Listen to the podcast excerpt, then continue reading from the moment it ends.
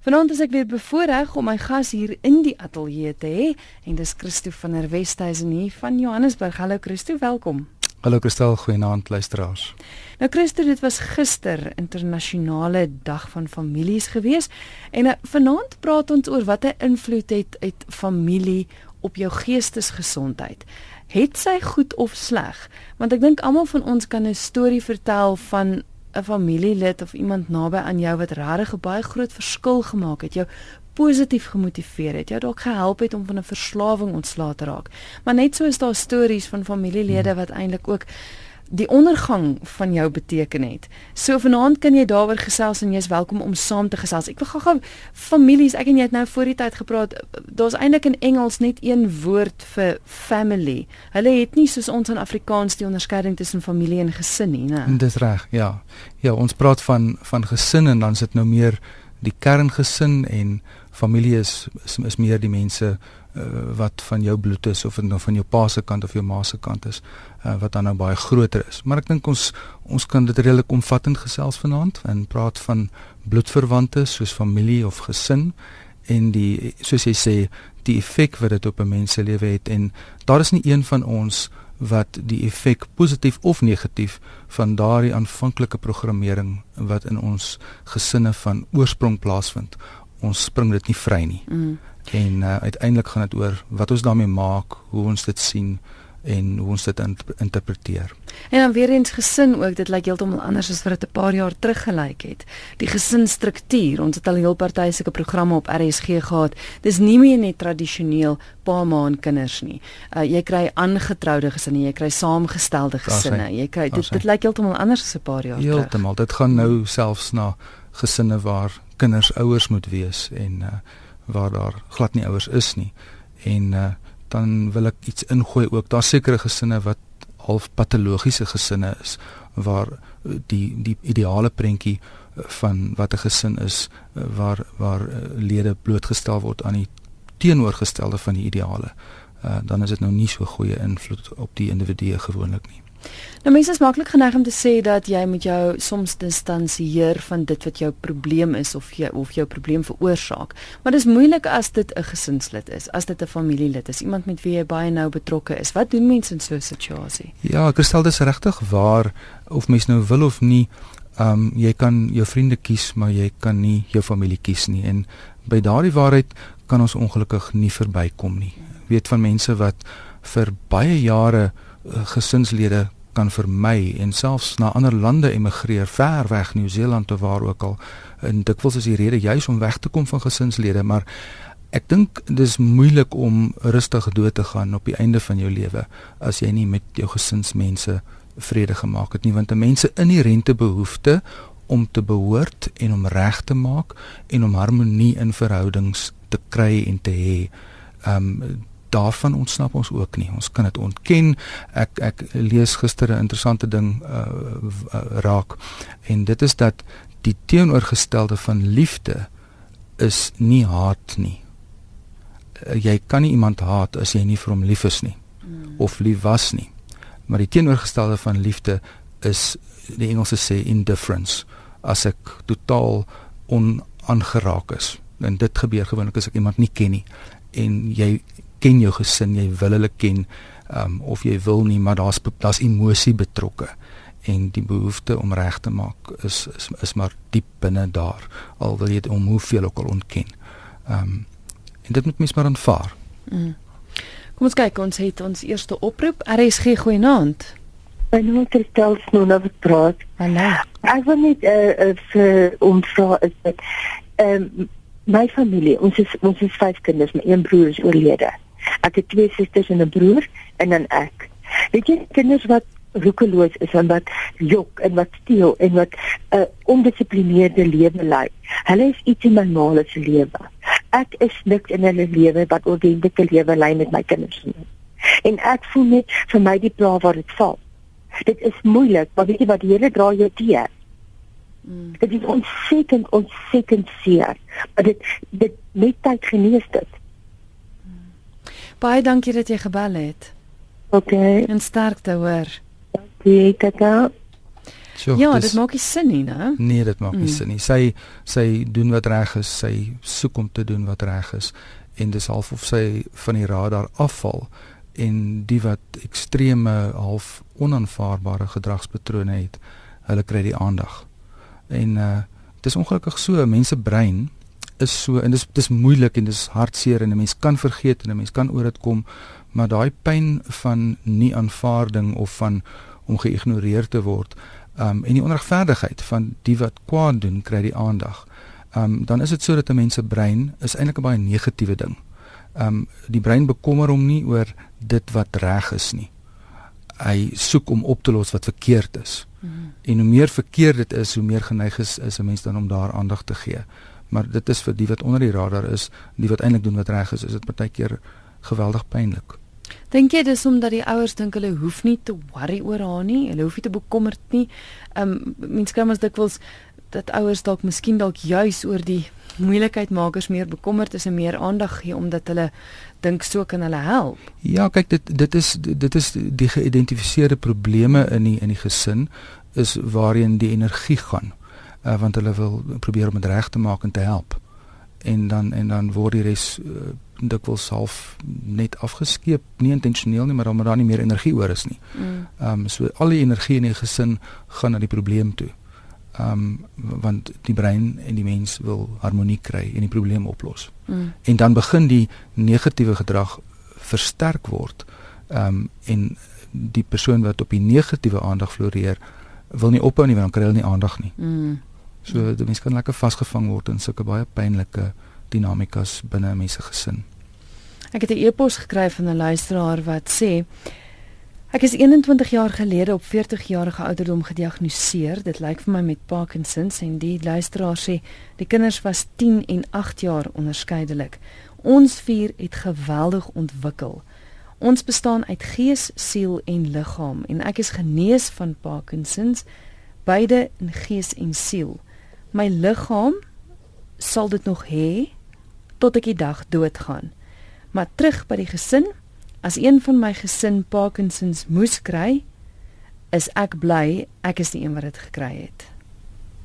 Dit is Gerrit wat die e-pos vir ons gestuur het. Wonderlike mense kan hoor die geestelike en sielsgroei wat wat Gerrit ondervind het. Nee, hy het vrede gemaak met sy siekte met sy toestand. Hy's dankbaar dat dit op hom geval het, die lot op hom geval het en hoor net die gesprek van hoeveel vervulling daar is op ander vlakke. Ehm um, uh, buite die fisiese ding wat hy niks aan kan doen nie wonderlike manier om daarna te kyk, né? Nee. En ek dink daai ondersteuning ook, soos hy sê, dit is liggaamlik is dit nog daar, maar die ja, res is reg. En en ek dink ek dink dit is waar dit so wonderlik inkom as jy 'n familie en 'n gesinsstruktuur het wat jou ondersteun. As jy deur iets so moeilik soos dit gaan en jy weet daai ondersteuning is daar, dan maak dit dit soveel makliker. Daar sê as dit as dit iets onverwendbaar is, dan kan so iets 'n gesin geweldig nader aan mekaar en dieper in hulle verhoudings laat groei soos soos met Gerrit hulle ook die geval dan nou is. Ons wil graag jou stories hoor. Dalk het jy 'n vraag vir Christo. Miskien kan jy vir ons sê wat vir jou gewerk het of wat glad nie gewerk het nie. Ons gepraat oor ons praat oor die gesins- en familiestruktuur. Dit was gister internasionale dag van families en ons kyk na hoe invloed jou gesin op jou geestesgesondheid kan hê. Het sy dan nou goed of sleg.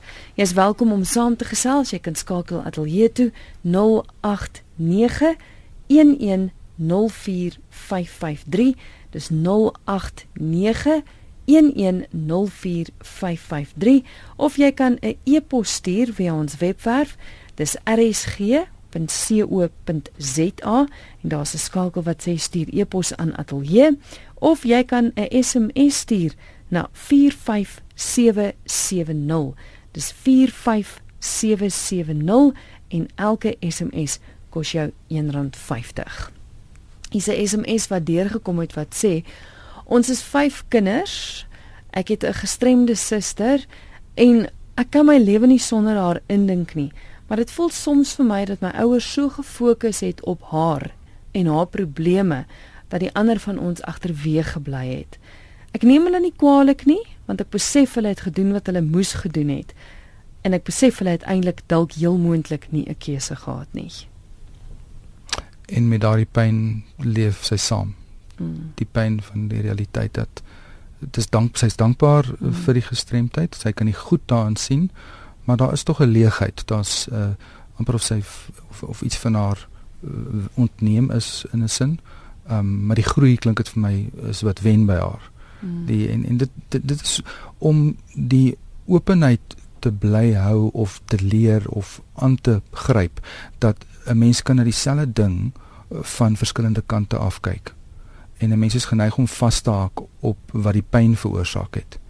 Maar as mens by die pyn kan verbykyk, dan is dit baie keer daardie spiere wat so ongemaklik seer is wat jy nie eintlik wou geoefen het of van wou geweet het nie. Mm. En dis later is mens dankbaar dat jy wel daardie spiere moes oefen met die ongerief en die ongemak wat binne gesinne gebeur. Maar kyk nou in in die geval is dit nou 'n gestremde broer of suster dink ek wat die persoon het, maar ek meen mense kan dit deurtrek na 'n boetie of 'n sussie wat kanker het en daar's konstant in die hospitaal daar rondom. Wat doen ouers? Want baie maal het hulle nie 'n keuse nie, soos die luisteraar nou ook reg sê. Sy besef haar ouers het dalk nie 'n keuse gehad nie. Raad aan ouers, wat wat wat doen mens? Want dit is tog die realiteit waar mense Ja, Kristel, jy weet ek ek dink 'n uh, mens moet na eenvoudiger vlakke uh, van uh, um, leef beweeg. Wat ek dikwels vir ouers sê wanneer daar 'n egskeiding is byvoorbeeld. So daar is nou skielik net een ouer wat daar twee ouers sou gewees het mm. is. Um as daar 10 reëls was wat jy as 'n span met twee ouers kon kon deurvoer en in stand hou om die kinders te leer, kies dan die drie belangrikste reëls en en laat die ander dan maar gaan. Mm. Um so um om om vir ouers uh, om om net tyd tog uit in te ruim en spesifieke afsprake te hê met die kinders wat dalk minder behoeftes het of minder aandag vereis. En om te weet dat dis net die saamwees en die frekwensie al is dit eenmal 'n week vir 'n halfuur maar dat daar 'n intentionele afspraak is ook in terme van die wat nie aandag eis nie ehm um, sodat hulle nie verdwyn nie. En ek en op die manier dit dit maar te hanteer want as daar nou iemand is wat in die hospitaal is dan gaan dit uit die aard van die saak waarskynlik 60 80% van die tyd opneem mm. en om dan die die, die energie wat oorbly nou maar te verdeel tussen die wat oorbly en net seker te maak as ouer jy kyk ook na jouself. Mm. Ehm um, want want ek ek dink in 'n geval waar daar een van my kliënte wat nou al in, in haar 40's is, ehm um, maar sy was so is 3, 4 jaar oud toe haar boetie oorlede is. En haar ouers het tot vandag toe nog nie deur die rouproses gewerk nie. So, so haar haar ouers was eintlik vir haar emosioneel heeltemal onbeskikbaar. Maar hulle het nie hulle het nie insette gehad van buite af nie. Hulle kon nie laat gaan nie. Um en nou as volwassene werk sy deur daardie pyn en sy begin die pyn omdraai en ook die goeie dinge sien want sy vanuit haar leegheid het sy 'n geweldige um meegevoel en en en en, en, en sy kan geweldig ander mense verstaan mm, mm. en en mense praat met haar sy's sy's 'n geweldige veilige uh, mens en dit is baie keer die die doel van die pyn as ek dit so kan sê mm. soek die doel van die pyn en dan en dan is dit dikwels jou passie mm. sy's mal oor om mense te help want sy weet wat dit is om nie hulp te hê en om alleen te wees nie. So uit daai pyn het sy geleer. En dis hoe mense die goed uiteindelik uh, met tyd kan kan omdraai. Verskillende maniere om na dieselfde ding kyk. RSG goeienaand. Goeienaand. Uh is wie met met met, met, met wie praat ek nou? Dis Christel wat praat. Dis ek en Christo wat hier in die ateljee is. Ja, Christel, ek is uh, my naam is Paul. Ek is 'n sielopewil en jy praat vanaand oor families, né? Nee? Ja, dis reg en watter invloed hulle op jou geestesgesondheid het. Ja, weet jy, ek het uh, eendag teruggekom van die pad af en my my vrou het my gelos by die werk die Sondag. Maandagoggend toe kom ek van die pad af. Dis my vrou weg, die kinders, die kat, die meubels, alles is weg. En sy het 'n noot op die op die toonbank vir my gelos met 400 rand. En ge, het sê vir my gesê dis oor. Ja. En die ding het my heeltemal plat geslaan. Ek wil weet hoe kom mense terug van sulke van sulke dinge af? Ja. Want ek ek het geen belangstelling in in enigiets behalwe my werk.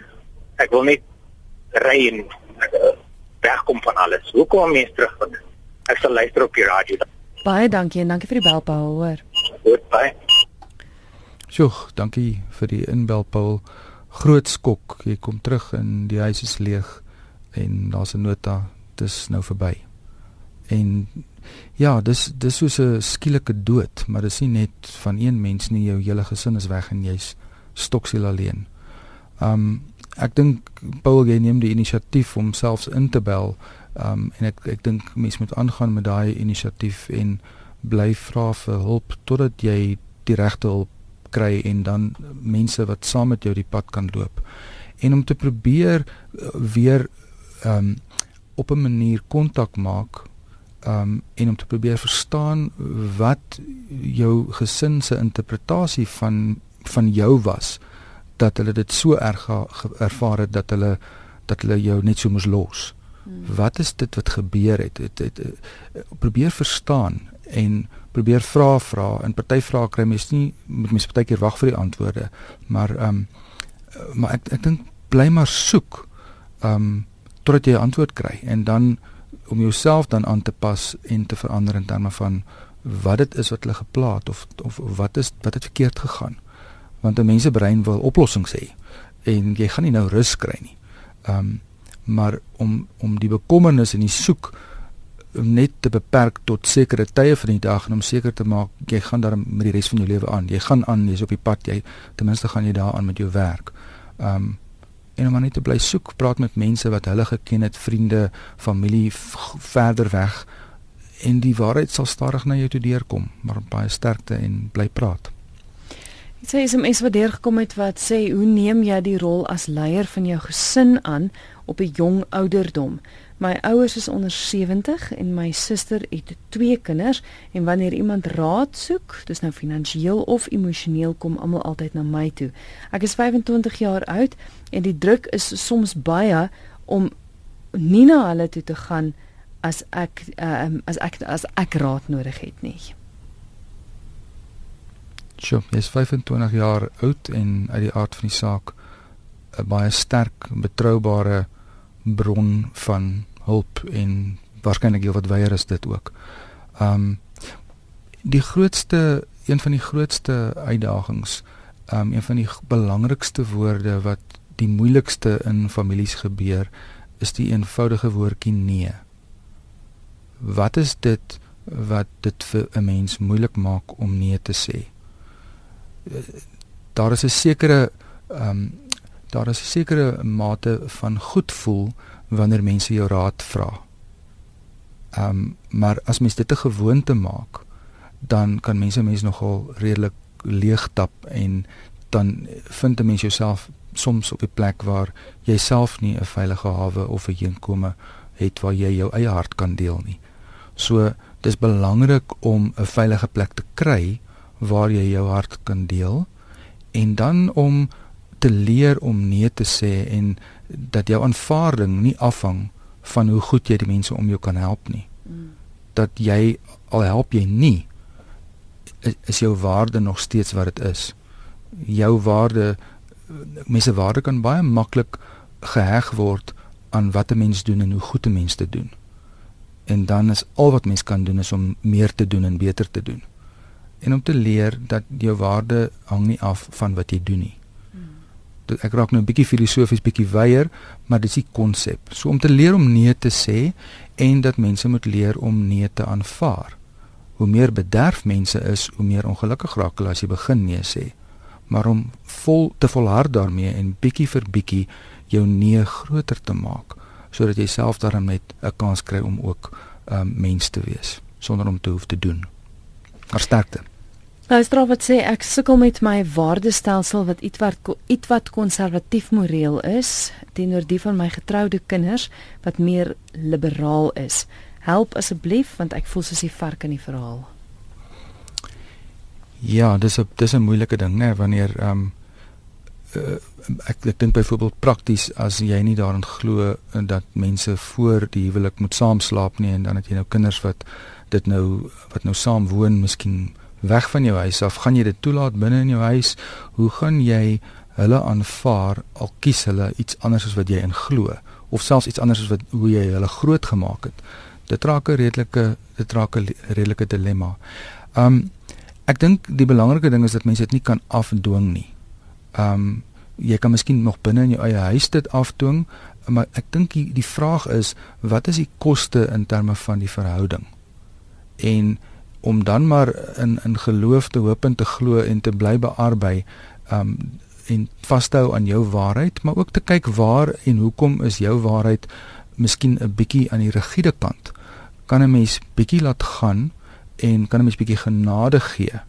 Um gewoonlik mense wat wat baie rigied raak met hulle eie waardestelsels is gewoonlik geweldig hard op hulle self ook. Mm. Hulle het gewoonlik nie baie genade met hulle self nie. Ek sê dikwels mense is sulke mense kan 700%ers wees of 500%ers en dan verwag hulle net 100% van ander mense. Dan hoef niemand mag 'n fout maak nie. So uh, verken die konsep van genade eers vir jouself en dan gaan jy dit ook vir ander kan begin gee.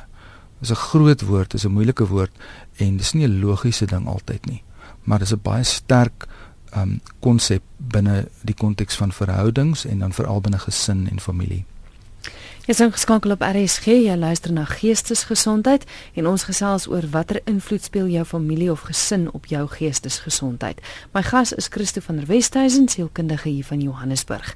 RSG goeienaand. Hallo. Ja. Dis Okkert wat praat. Ja, Okkert. As ek nou op die soekwerkprogram. Nee, hierdie is Geestesgesondheid. O, okay, Werk soek is okay. eers môre aand hoor. OK, ja, Okay. baie dankie man. Goed gaan, totsiens. Goed, totiens. RSG goeienaand. Goeienaand. Kan Ja. jy my hoor? Ek kan jou duidelik hoor, ja. Ag, gewoon ek het net O, oh, gats. RSG goeienaand.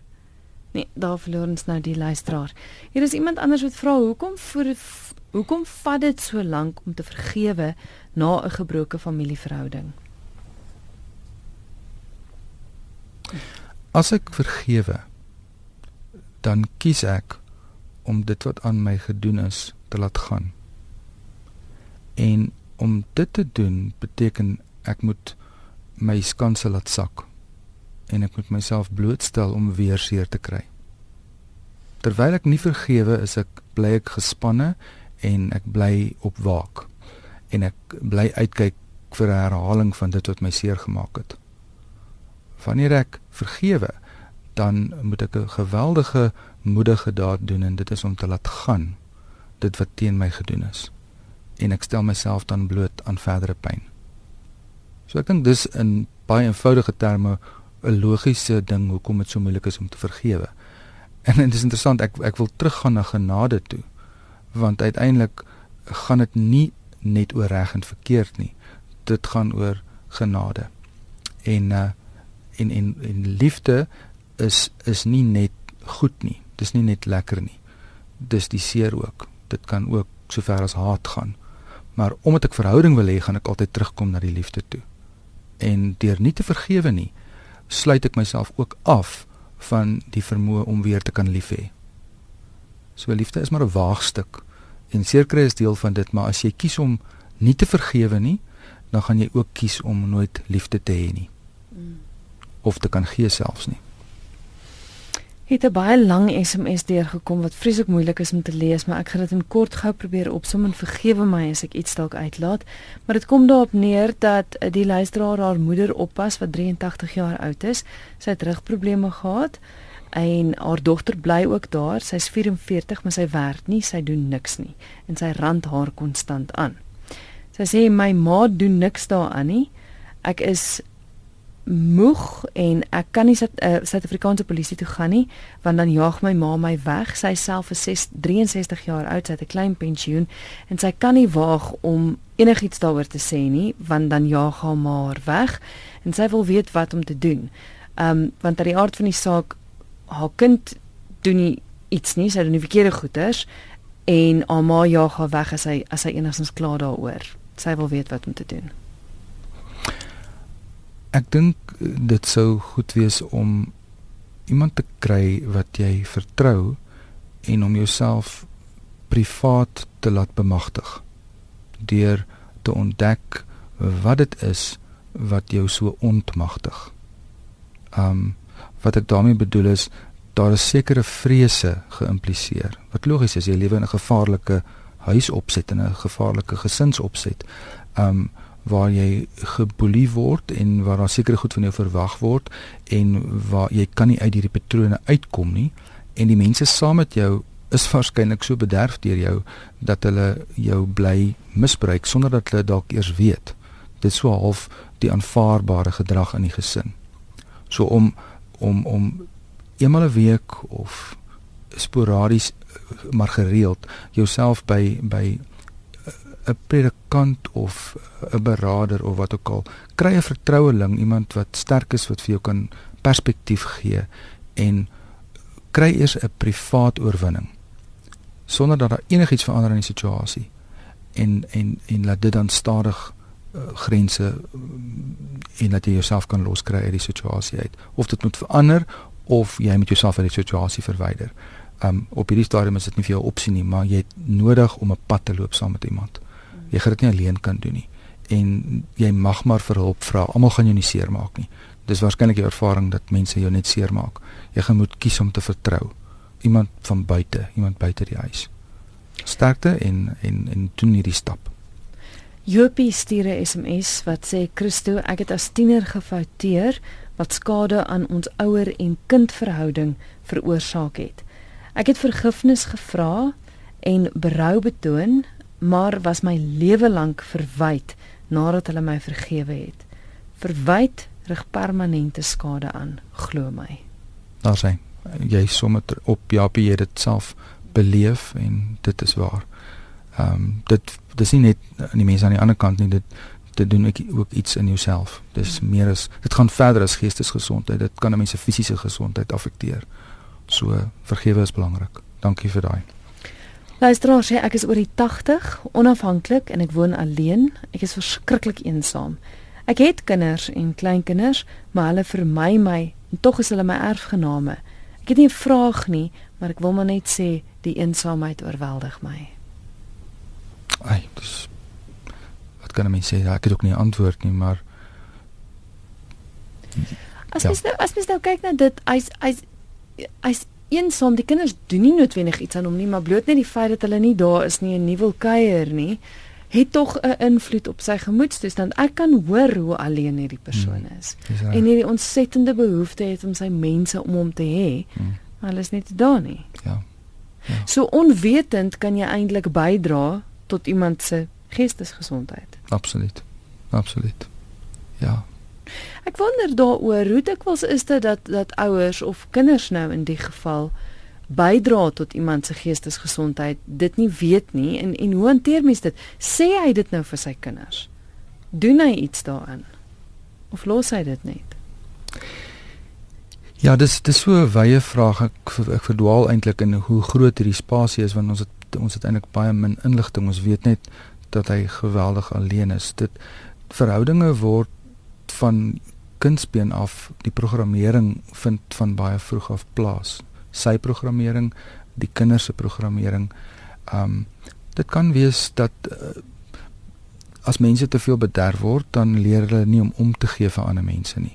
Um as as mense uh, subjektief um iets sleg beleef aanhoudend van iemand dan begin hulle daai persoon vermy.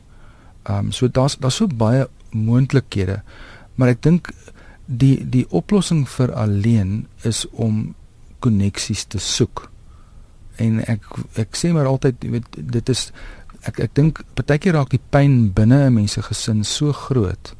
Dink is een van die maniere hoe kinders ook hulle ouerhuise verlaat en dit is reg so dan die goed wat hulle nie kon oplos binne hulle ouerhuise nie binne die gesin binne die familie nie word dikwels by die werk opgelos of ver van die huis af en as jy die as jy die privaat oorwinnings daar weg van die huis af kry dan kom jy terug huis toe en dan kan ek die verhoudings by die huis stadig begin regmaak Partykeer moet is die oplossing buite die baie naby naby ding van die gesin self. So ryk verder uit as net die mense vir wie jy lief is en wie se liefde jy nodig het. Um dan gaan jou wêreld ook groter raak en jy gaan klein druppeltjies koneksies begin kry en dit gaan die alleenheidsbeker half bietjie begin volmaak vir jou sodat jy nie so afhanklik is net van die wat jy nou nie by kan uitkom nie. Moeilike pad. Skus jammer. Moeilike pad, maar maar nie onmoontlik nie. Dis eintlik die lewe. Nog iemand wat sê ek het 'n baie slegte kinderlewe gehad. Ek is jonk getroud. Ek het 3 kinders gehad. Die huwelik was baie wankelrig. Almal is al getroud met kinders.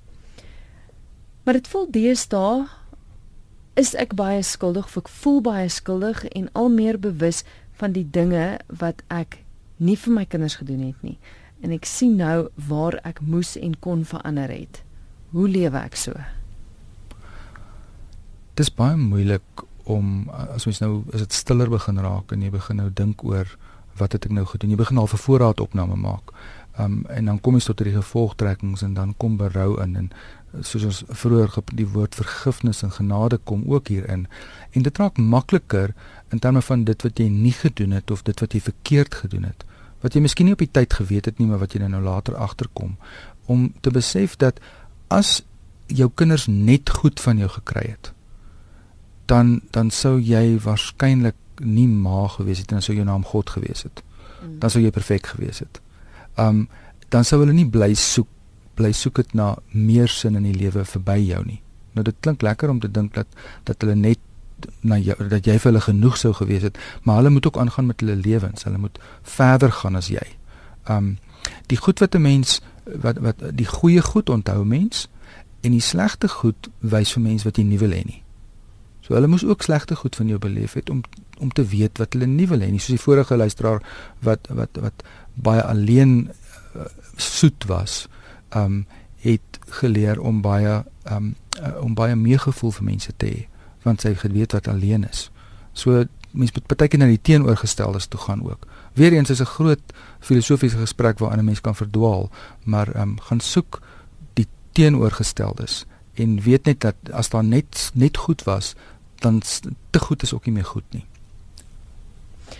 Hier is 'n luisteraar wat sê ek is 32 jaar oud, ek is lesbies en uh, my ma kan glad nie daarmee daar sy uh, ekskuus, sy is verplet dit verpletter my ma en wat kan ek doen om haar te oortuig dat ek dit nie as prins doen nie en dat ek regtig aangetrokke is tot die tot dieselfde geslag.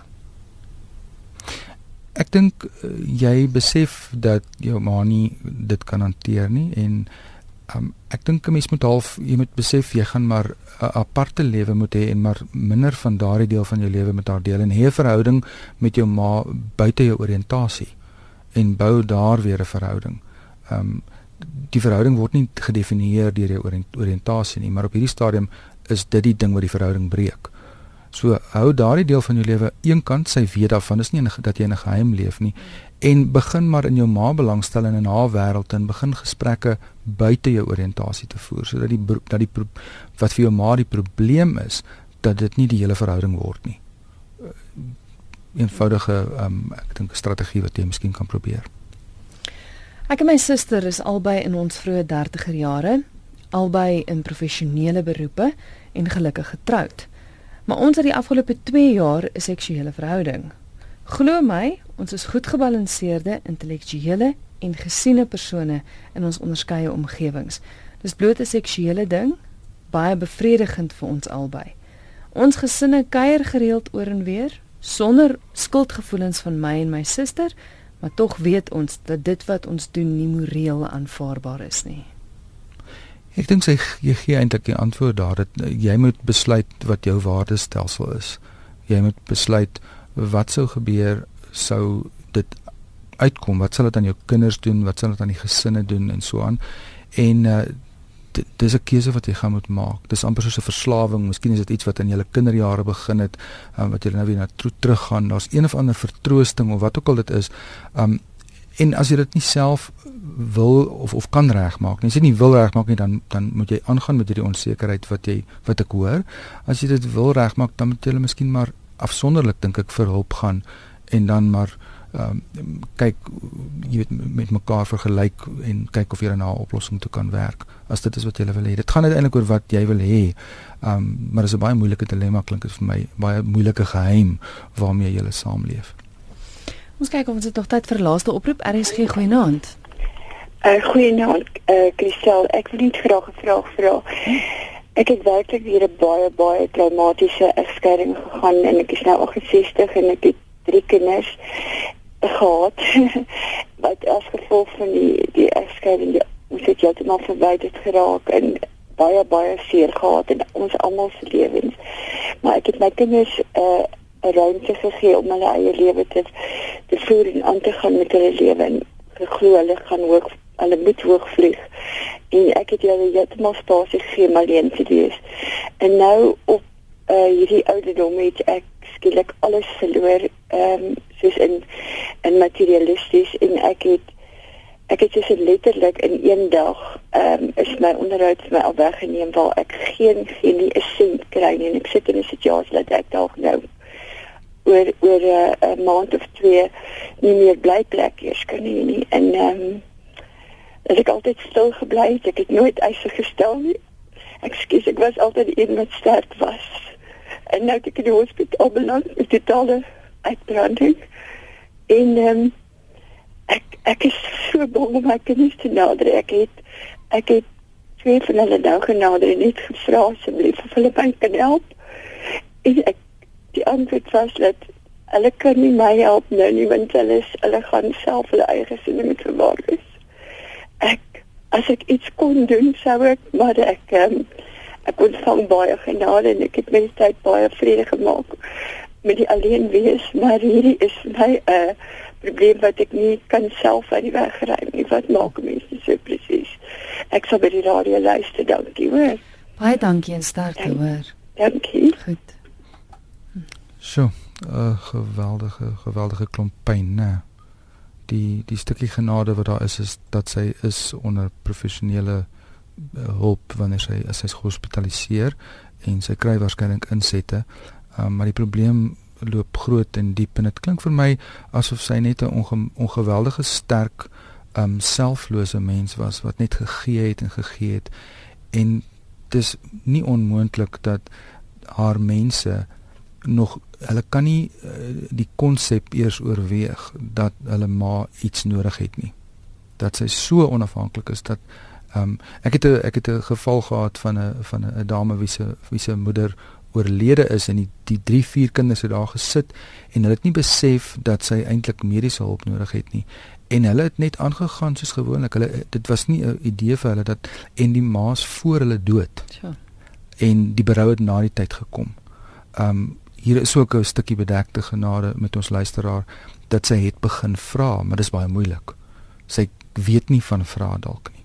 En die omstandighede op 'n amper wrede genadige manier dwing haar om te vra. En dis die die neem deel van die lewe is baie moeiliker om te ontvang as wat dit is om te gee. Um en ek sê dit met groot deernis en respek want dit is nie maklik nie. Um maar hou aan met vra en gesels met die mense om jou by die hospitaal. Daar's waarskynlik sielkundiges en so aan betrokke. Gesels maar met die mense en dit gaan 'n entjie pad. Jy's nou by niks. Van gee gee gee is jy nou by niks en iets gaan nou omdraai en dan gaan jy die ander deel van die lewe ook ontdek. En dit klink vir my asof jy regtig verdien om te ontvang. So probeer dit oorweeg om aan te hou vra. Miskien vir die eerste keer in jou lewe, maar dis ook 'n deel van die lewe wat wat jou ook beskore is. Baie sterkte. Dis Christo van der Westhuizen, sielkundige van Johannesburg wat vanaand gesels het met my oor watter invloed speel jou familie of gesin op jou geestesgesondheid. Kan jy luister ons jou kontak Christo? Ja, gerus. Ek dink die maklikste is maar die webtuiste. Ehm um, dit is uh as jy net opsoek Randburg Counselling Center, is een woord. Uh, daar is 'n kontakblad uh waarmee hulle waar hulle gerus kan kontak, hoor. Randburg Counselling Center.